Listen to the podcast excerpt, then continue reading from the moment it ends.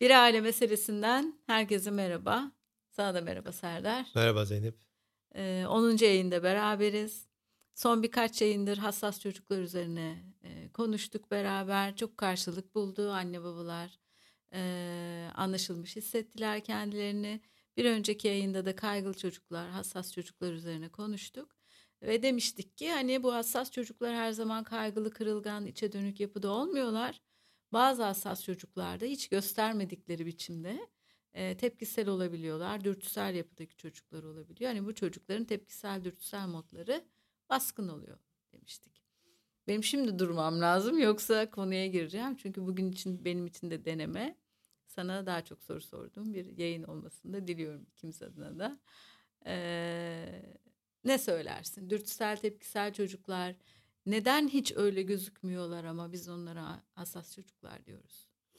Çünkü hassas denilince insanın aklına herhalde daha böyle kırılgan, daha naif, daha böyle yumuşak bir ton geliyor. Ama e, tepkisel bir çocuk da bir an adı zaten tepkisel yüksek yaşarken bir anda yaptığından dolayı pişmanlık duyan, suçluluk duyan bir çocuğa dönebiliyor. Ama sonrasında bu suçluluktan hemen sonrasında bir başka moda da geçebiliyor. Mod değişimleri çok çabuk, ani ve yoğun olduğu için sürekli o hassas, yumuşak, bizim hassas dediğimizde aklımıza gelen motiflere çok uymadığı için onunla bence pek örtüştüremiyoruz. Hı hı. Ama bu onun kırılgan olduğunu da göstermiyor. Zaten sıkıntı şu, dürtüsel, tepkisel bir çocuk ani, yüksek, keskin, şiddetli, e, ağzına geleni söyleyebiliyor, kapıyı çarpıp çıkabiliyor. Ve bu kırılgan tarafını da göstermediği için yanındaki yetişkinler de ona hayatın gerçeklerini öğretmek adına konuşmaya başlıyorlar. Bunu böyle yapıyorsun, bunu böyle söylüyorsun, hınanını, hınanını, hınanını, hınanını. Çocuk bununla baş edemediği için kapanıyor.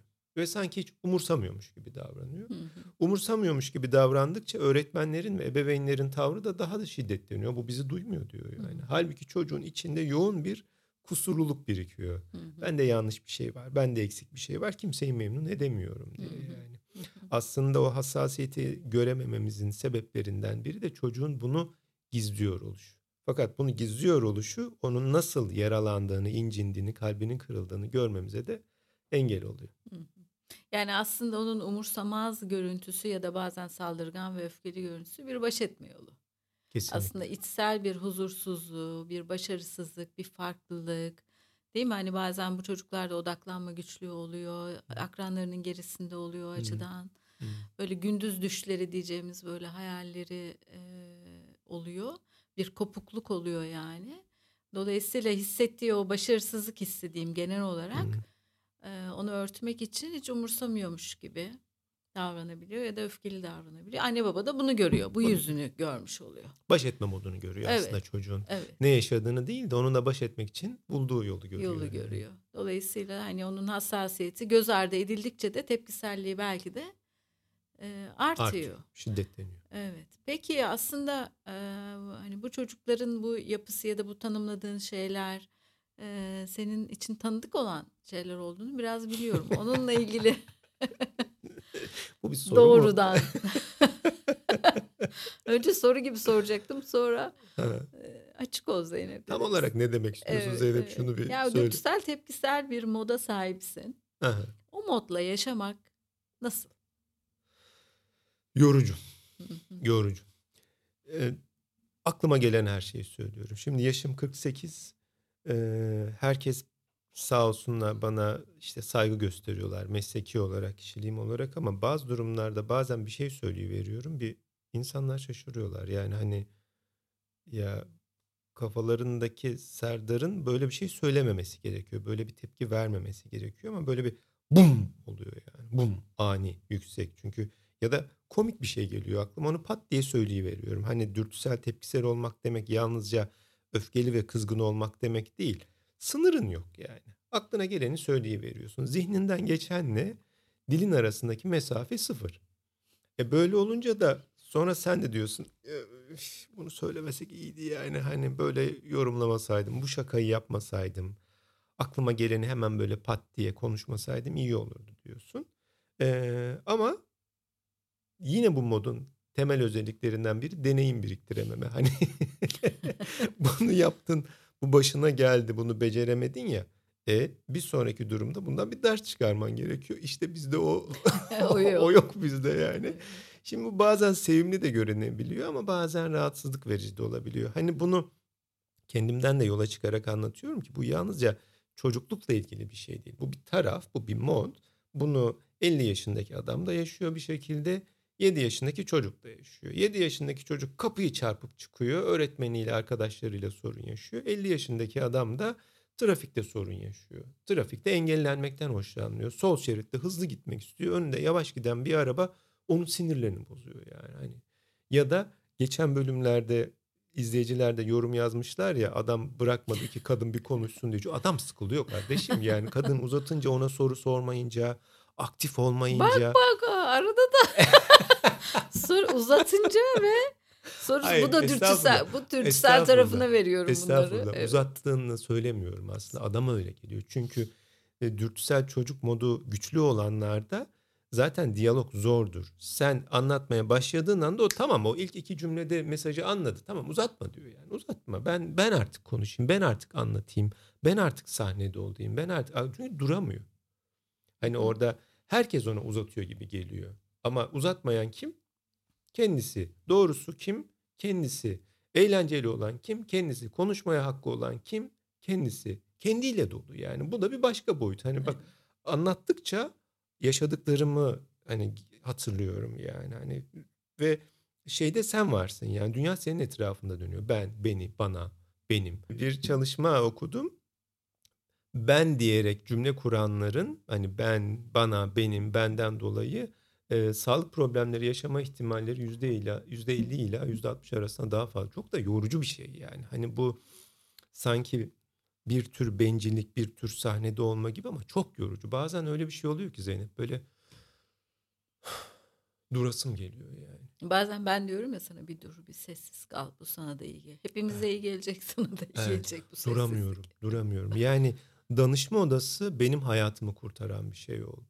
Çünkü bu odaya girdiğim anda prefrontal korteksim çalışmaya başlıyor. Daha şefkatliyim, daha sakinim, daha dinliyorum, daha odaklıyım, aklıma gelenleri tutabiliyorum, dilime geleni söylemiyorum.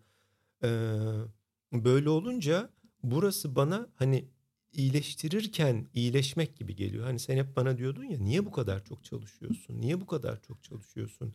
Bu parayla ilgili değil, bu hırslı olmak değil ama hayatımda bulamadığım huzuru buldum ben burada yani. Kapıyı kapattığım anda ben artık dürtüsel tepkisel çocuk modumu büyük ölçüde tamamen demiyorum yani. Çünkü danışmana da böyle dilimin ucuna pat diye bir şey geliyor. Ee, bunu söylemesem iyiydi diyorum ama söylüyorum. Bir taraftan da bu beni daha doğal ve çocuksu bir hale de. Sevimli, sempatik, insanda şefkat uyandıran. İşte çocuk büyütürken de aslında bakmamız gereken şey bu çocukların bu doğal halleri, spontan, fazla spontan halleri yani. Hani bunu bir kusur gibi değil de yaratıcılığa giden bir yol gibi ki bu belki şimdi bir sonraki paragrafın başlangıcı olur. Oraya yönlendirebilirsek hem çocuğun kusurlu hissetmesine, eksik yanlış hissetmesine engel olabiliriz. Hem de bu bir olumlu enerjiye döner. Çünkü bu çocuklar çok yaratıcılar yani. Böyle başka bir şekilde bakıyor, başka bir şekilde konuşuyor. Bir takla attır veriyor meseleye. Hiç kimsenin aklına gelmeyen onun aklına geliyor. Aa, vay be ne kadar kolay oldu diyorlar ama e sen yap bunu. Yap, yapabiliyorsan yapamıyorlar. Dürtüsel çocuk bunu yapıyor. İşte bu çocukların o aslında onlara verilmiş bir hediye, doğanın, Allah'ın bir hediyesini kullanmayı öğretebilirsek hem çocuklara hem anne babalara bu çocuklardan olağanüstü öğretmenler çıkıyor, olağanüstü anne babalar çıkıyor, yaratıcı fikirler çıkıyor, olağanüstü liderler oluyorlar. Zaten evrim psikologları da bunu çalışıyorlar Zeynep. Diyorlar ki bu mod her zaman vardı. Geçmişte de vardı. İşte e, bir tahta gemiye 50 kişi binip ben Amerika'yı keşfetmeye gidiyorum diyenler muhtemelen böyle aklı başında dur ben bir düşüneyim bunu nasıl yapayım stratejik adamlar değiller. Hadi gidiyoruz diyor ki nereye gidiyorsunuz yani? Pusula yok gökyüzünde yıldıza bakıyorlar okyanusta dalgaların büyüklüğünü bilmiyorlar ve gidiyorlar yani. Ya da diyorlar ki bak burada kara orman var avcı toplayıcı zamanlar belki. Buraya gitmeyeceksin. Dürtüsel oraya gidiyor. Hani gitme dediğin zaman orası artık onun için bir cazibe merkezi haline geliyor ve ben giderim oraya diyor. Gidiyor ve orayı şey yapıyor. E, telle çeviriyor artık burası benim diyor.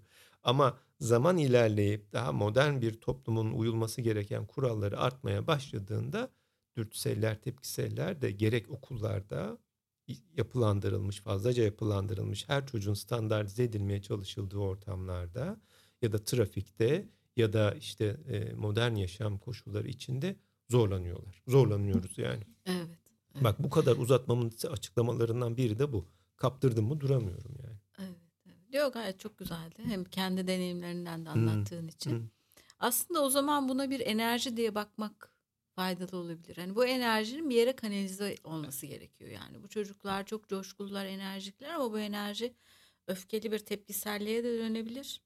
Sonra ileride de e, hani bu dürtüsel tarafını bastıramanın şöyle diyebiliriz yani dürtüsel bir çocuk var bu enerji bu disiplinsiz bir çocuğa dönerse sıkıntı oluyor ya da saldırgan ve öfkeli bir çocuğa dönerse o zaman sıkıntılı oluyor. Ama o dürtüsel çocuğun enerjisini de anne babanın kabul etmesi başta dediğin gibi bunun bir yaratıcılıkla bağlantısını görmesi. Çocuklar çok böyle şeytan tüyü olan çocuklar oluyorlar. Komik oluyorlar, eğlenceli oluyorlar. Bakışlarında bir ışıldama, parıldama e, oluyor oralara görüp oraları tutunduğumuzda bir de e, hani kurallı normlu bir hayat onlara uygun değil aslında. Bu çocuklar topluma uyumlu değil gibi bakma, bakmak yerine e, yapılandırılmış kurallı ortamlar çocuklara uygun değil. Biraz da esneyebilirse e, ebeveynler o enerji çok iyi yönlendiriliyor. Çünkü bu çocukların enerjisini yönlendirmesinin temel koşulu e, duygusal bağ. Değil mi? Hmm. Anne babasıyla duygusal bağ.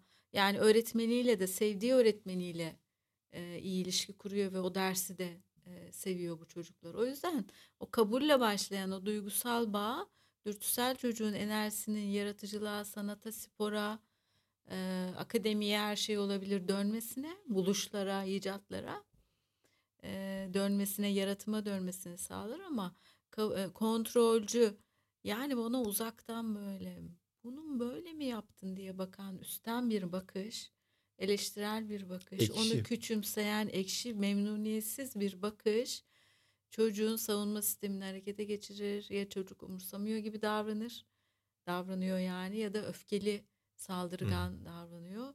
Sonra da o çocuğu disipline etmek çok zor oluyor. Bu çocuğun evet disipline edilmeye ihtiyacı var. Disipline edilmek otorite değildir, ceza değildir, ödül değildir. Aklımıza onlar geliyor. Yaptırım Disipline değildir. etmek e, öğretmektir. Hmm. Bu çocuğun öğretilmesine, yönlendirmesine ihtiyacı var. Bu yönlendirme hakkını kazanabilirsiniz ancak. Hmm. Hakkı bu çocuk size doğrudan vermez. O yönlendirme, disipline etme hakkını kazanmanız için de iyi ilişki kurmanız gerekir. Hmm. Onunla bağ kurmanız gerekir. Bunu yaptığınız anda hem tabii çocuk için çok rahatlatıcı ama çocuğun içindeki potansiyel cevher akacak bir e, kanal bulur. Mecra bulur. Zaten onu durdurmaya çalışmak da çok nafile bir çaba. Bunu durduramazsınız. Dürtüsel bir çocukla mücadeleye girdiğinizde bu mücadeleyi kazanma imkanınız yok. Ama böyle bir durumda kazanan da olmaz. Hı. Eğer çocukla anne baba öğretmen bir çatışmaya girerse hem çocuk kaybeder hem yetişkin evet. kaybeder. Ama bundan senin de söylediğin gibi bir, bir mecra bulunursa çünkü bu çocuğu sahneye koy aktör olsun, aktris olsun. Evet. Yani bir spor sahasına koy. Her şeyi oynar. Voleybol oynar, basketbol oynar. Her şeyi oynar. Beden zekaları da çok yüksek. Yaratıcılıkları, enerjileri bitmiyor. Ama biz bunları sürekli durdurmaya ve yapılandırmaya, sınırlandırmaya çalıştığımızda çocuk ah! oluyor yani. Hani böyle bir patlama yaşıyor. Ondan sonra da uyum problemleri, davranış problemleri yaşıyor. Sonra da diyorlar ki bu genele uymuyor. uymuyor. Kurala uymuyor. E ama bu çocuğu bu duruma getiren yalnızca kendi doğumla getirdiği yapısı değil ki. Orada fazlaca yapılandırılmış ortam. Yani sen mesela dürtüsel tepkisel biriyle yaşayan benim annem değilsin, benim eşimsin. Ama biz beraber büyüdük. 17-18 yaşından beri bunu gözledin. Sen nasıl deneyimledin? Dürtüsel tepkisel biriyle yaşamak nasıl? Hani bunu anne babalara bir e, yansıtma olarak da aktarabiliriz. Hı. Yani direnç gösterirseniz ki o dönemler oldu. 17 yaşındayken mesela 20 yaşındayken bazen bencil olduğunu düşünmüş olduğum dönemler oldu. Kendi odaklı çünkü diye.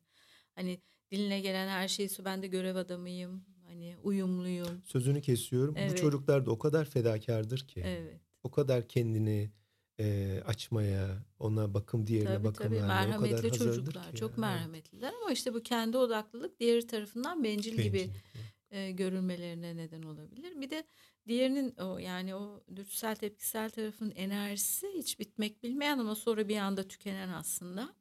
Böyle e, yukarıdan giden enerjisi de yorucu olabiliyor. Ama buna direnç gösterdiğimizde yorucu oluyor. Yani böyle tuhaf davranıyor. Hani şimdi bir türlü dışarıya gezdik geldik falan evde hala enerjik. E artık dinlen hani makule yaklaştırmaya çalışmak. Bu çocukları herkes aslında bir düzeltmeye, bir adam etmeye, bir toparlamaya çalışıyor.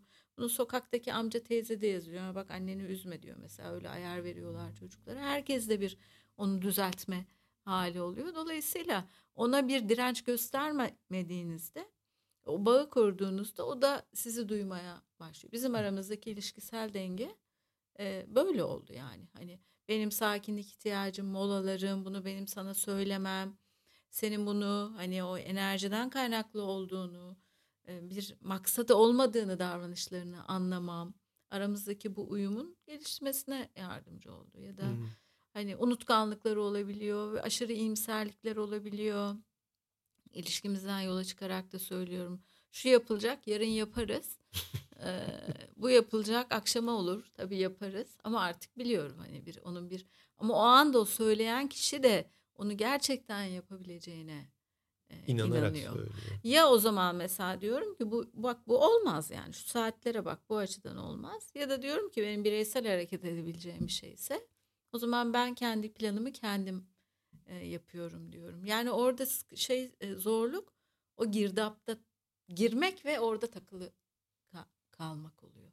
İşte o hep e, hani bunun içi, çocuğun da içinde bulunduğu aslında nörobiyolojik psikolojik yapı nedeniyle e, bu dür, dür- dürtüsel tepkisel davranışları olduğunu gördüğümüzde biz sakin kalan taraf olarak onunla savaşa girmeyerek savaşta dediğin gibi ye- savaş var ve yenilgi var. Başka bir çıktısı yok onun.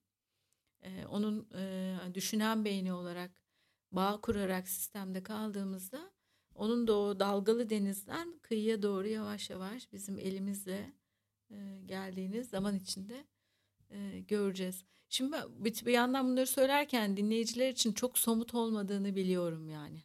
Şimdi ben de Evet. onu söyleyecektim. Evet. Ben çocukken şuna ihtiyaç duyuyordum. Babam bana derdi ki bana böyle bakar.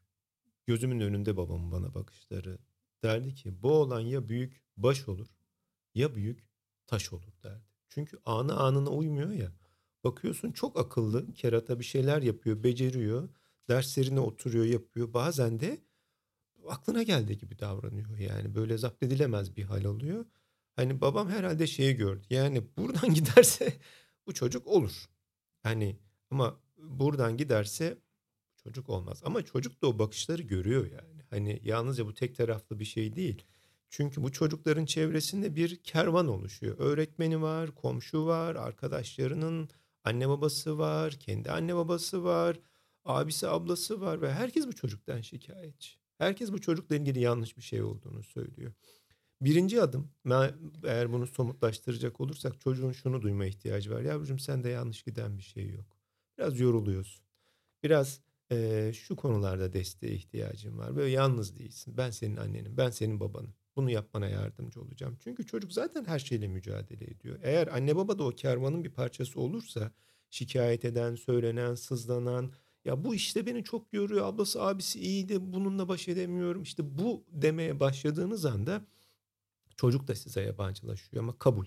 Birincisi kabul. Bu sana verilmiş bir hediye ve biz senin böyle bir çocuk olmandan çok mutluyuz. Yani neşenden, enerjinden, komikliğinden, şakalarından, bitmeyen enerjinden çok memnunuz ama bazen görüyorum sen de yoruluyorsun. Bazen görüyorum kurallara uymakta sen de zorlanıyorsun. Gel ben sana yardımcı olayım. Bu çocuklara Francis Ferrari diyorlar yani. Vum, sıfırdan yüze gidiyor ama bir dur hop, bum duvara vuruyor. Ya işte orada frene ihtiyaç var. Fren- Merdivenden çocuğum hani düşmüş arkadan arkadaşı itmiş Ha. dedikleri çocuk var ya. Aslında İşte itmeyen ama durduramıyor Durduramıyor enerjiyi ve yıkıp geçiyor. İşte yani. orada bir frene ihtiyaç var. O da kim? O da anne baba. Ama bunu böyle ensesinden sertçe yaptığın zaman geçmiş olsun onu Evet. artık durduramazsın ama böyle bir şefkatle sardığın zaman dur duramıyorsun. Hani nasıl o kundakta çocuk sakinleşir sarar sarmalar işte anne babanın yapacağı şey de o kundak gibi saracak sarmalı dur diyecek. Bunu yaparsa zaten çocuk da kendi kendini durdurmayı öğrenecek ama onu böyle kontrolü dışında zapturapt almaya çalışırsan o artık durabilen, durdurulabilen bir çocuk olmaktan Olmaz. çıkıyor. İkincisi kendilerini güçlü ve becerikli hissettikleri alanlar bulmak lazım. Bu her şey olabilir. Sporda olabilir, sanatta olabilir. Hayattaki tek yol akademik başarı değil yani. Zaten bunlar olduğunda çocuk akademik anlamda da başarılı olur. Hani bu e, ceplerinde tek defterle gezen, dört satır yazmadan okulu bitiren ve ortalamanın üstünde başarı elde eden çocuklar var ya işte bunlar o dürtüsel çocuklar yani. Sonrasında da akacakları bir mecra bulmak. Buna being in the zone diyorlar ya. Orada olmak, orada kendine ait hissettiği bir yerde bulmak. O çocuğu uymadığı bir yere zorlayıp orada başarılı olmasını beklemektense onu kendisi gibi hissettiği bir yere bıraktığınızda o zaten akıp gidecek. Onun nasıl gürül gürül aktığını, nasıl başarılı olduğunu, bütün potansiyelini nasıl ortaya koyduğunu, nasıl ışıldadığını, nasıl parladığını o anne baba da görecek ve bunu görmeye anne babanın da çok ihtiyacı var. Yani o çocuk zayıf değil, kusurlu değil. Bizim çocuğumuz olağanüstü bir çocuk yani. Hani doğumda bir hediyeyle gelmiş bir çocuk.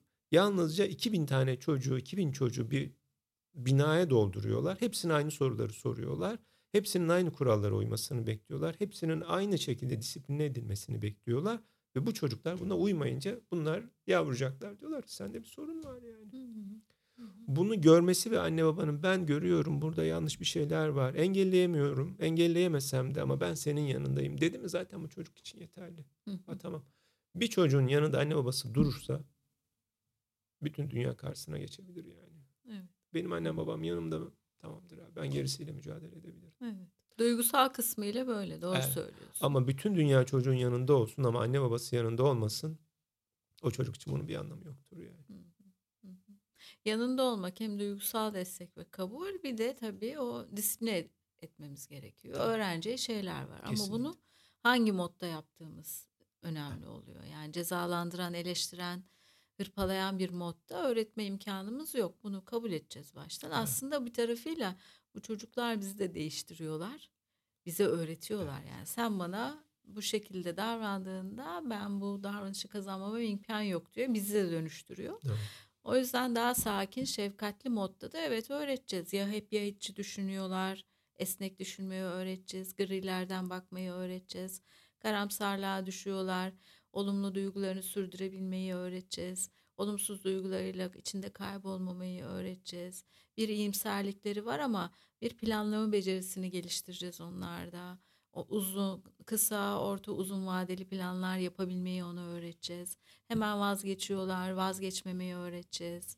Ee, hoşlanmasalar da yapmaya devam etmeyi öğreteceğiz. Bir miktar sıkıntıya katlanabilmeyi öğreteceğiz. Öğrenecekleri şeyler de var ama Zamanı yönetmeyi öğreteceğiz. zamanı yönetmeyi öğreteceğiz. Zaman algısını içinde bulunduğu anı aslında fark etmeyi öğreteceğiz. Deneyimlerinden ders çıkarmayı Gibi. öğreteceğiz. Evet. Hatta deneyimlere dönüştürmeyi e, öğreteceğiz. E, belki böyle notlar alarak altını çize çize.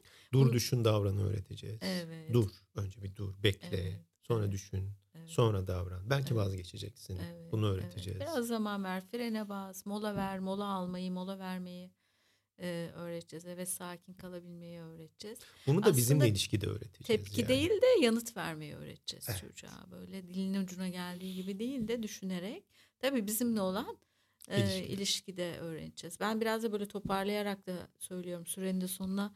E, geldik program süresinin. Bunun bir de aslında dürtüsel çocuk modu, dürtüsel tarafımız çocuklukta kalmıyor. Bir de yetişkin versiyonu var.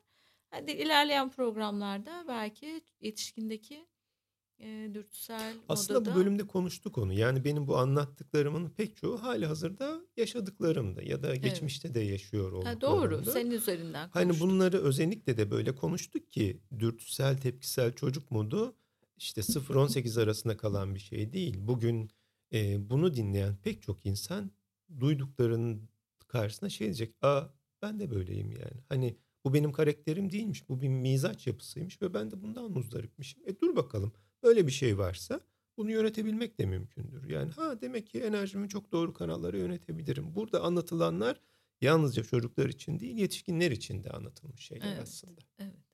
Ve de belki yetişkinler de çocuklar da tek bir moddan ibaret Değil. değiller. Sizin sağlıklı, esnek, kararlar alabilen, durabilen, zamanı planlayabilen bir tarafınız var. Onun geliştirilmeye ihtiyacı var. Dürtüsel çocuğunuzun da biraz şimdi sırası değil. Dur bakalım. Şimdi susuyoruz, bak dinliyoruz. Soru sordular bize ya da e, cevabını vereceğiz birazdan gibi böyle bir kontrole ihtiyacı Bir de ilişki kurmak. Programın süresini aşıyoruz ama lütfen özellikle öğretmenler bu çocukla ilişki temelli gitsinler. Bu çocuğun adını öğrenmezseniz, elinizi omzuna koymazsanız bu çocuk kaybolur. Anne baba için de geçerli bu yani. Ama saçını okşadığınızda bu çocuğun sizin için yapamayacağı fedakarlık yoktur. Yani. Umarım faydalı olmuştur. Umarım o çocukların o ışıltısının sönmemesine katkı getirecek bir yayın olmuştur. Yetişkinler olarak biz bilinçlendiğimiz, fark ettiğimiz için. E, dürtüsel tarafımız da enerjimizdir. Hepimizde de vardır ve hafta içinde de çıkması lazım. Bizim eğlendiren de tarafımız o. Hani o tarafınızı da ihmal etmeyin, baskılamayın spontanlığı, çocuk mutluluğunu e, kendinize. E, iyi haftalar diliyoruz. Kendinize iyi bakın. Ben de geçmişte benim bu kadar muzdarip olduğumun bir tarafımın e, bir gün insanlara anlatacağım bir hikayeye dönüşmesinden çok memnunum. Umarım e, benim yaşadıklarımı diğer çocukların yaşamaması için bunlar bir katkı getirir. Herkese çokça sevgiler, iyi haftalar. İyi haftalar.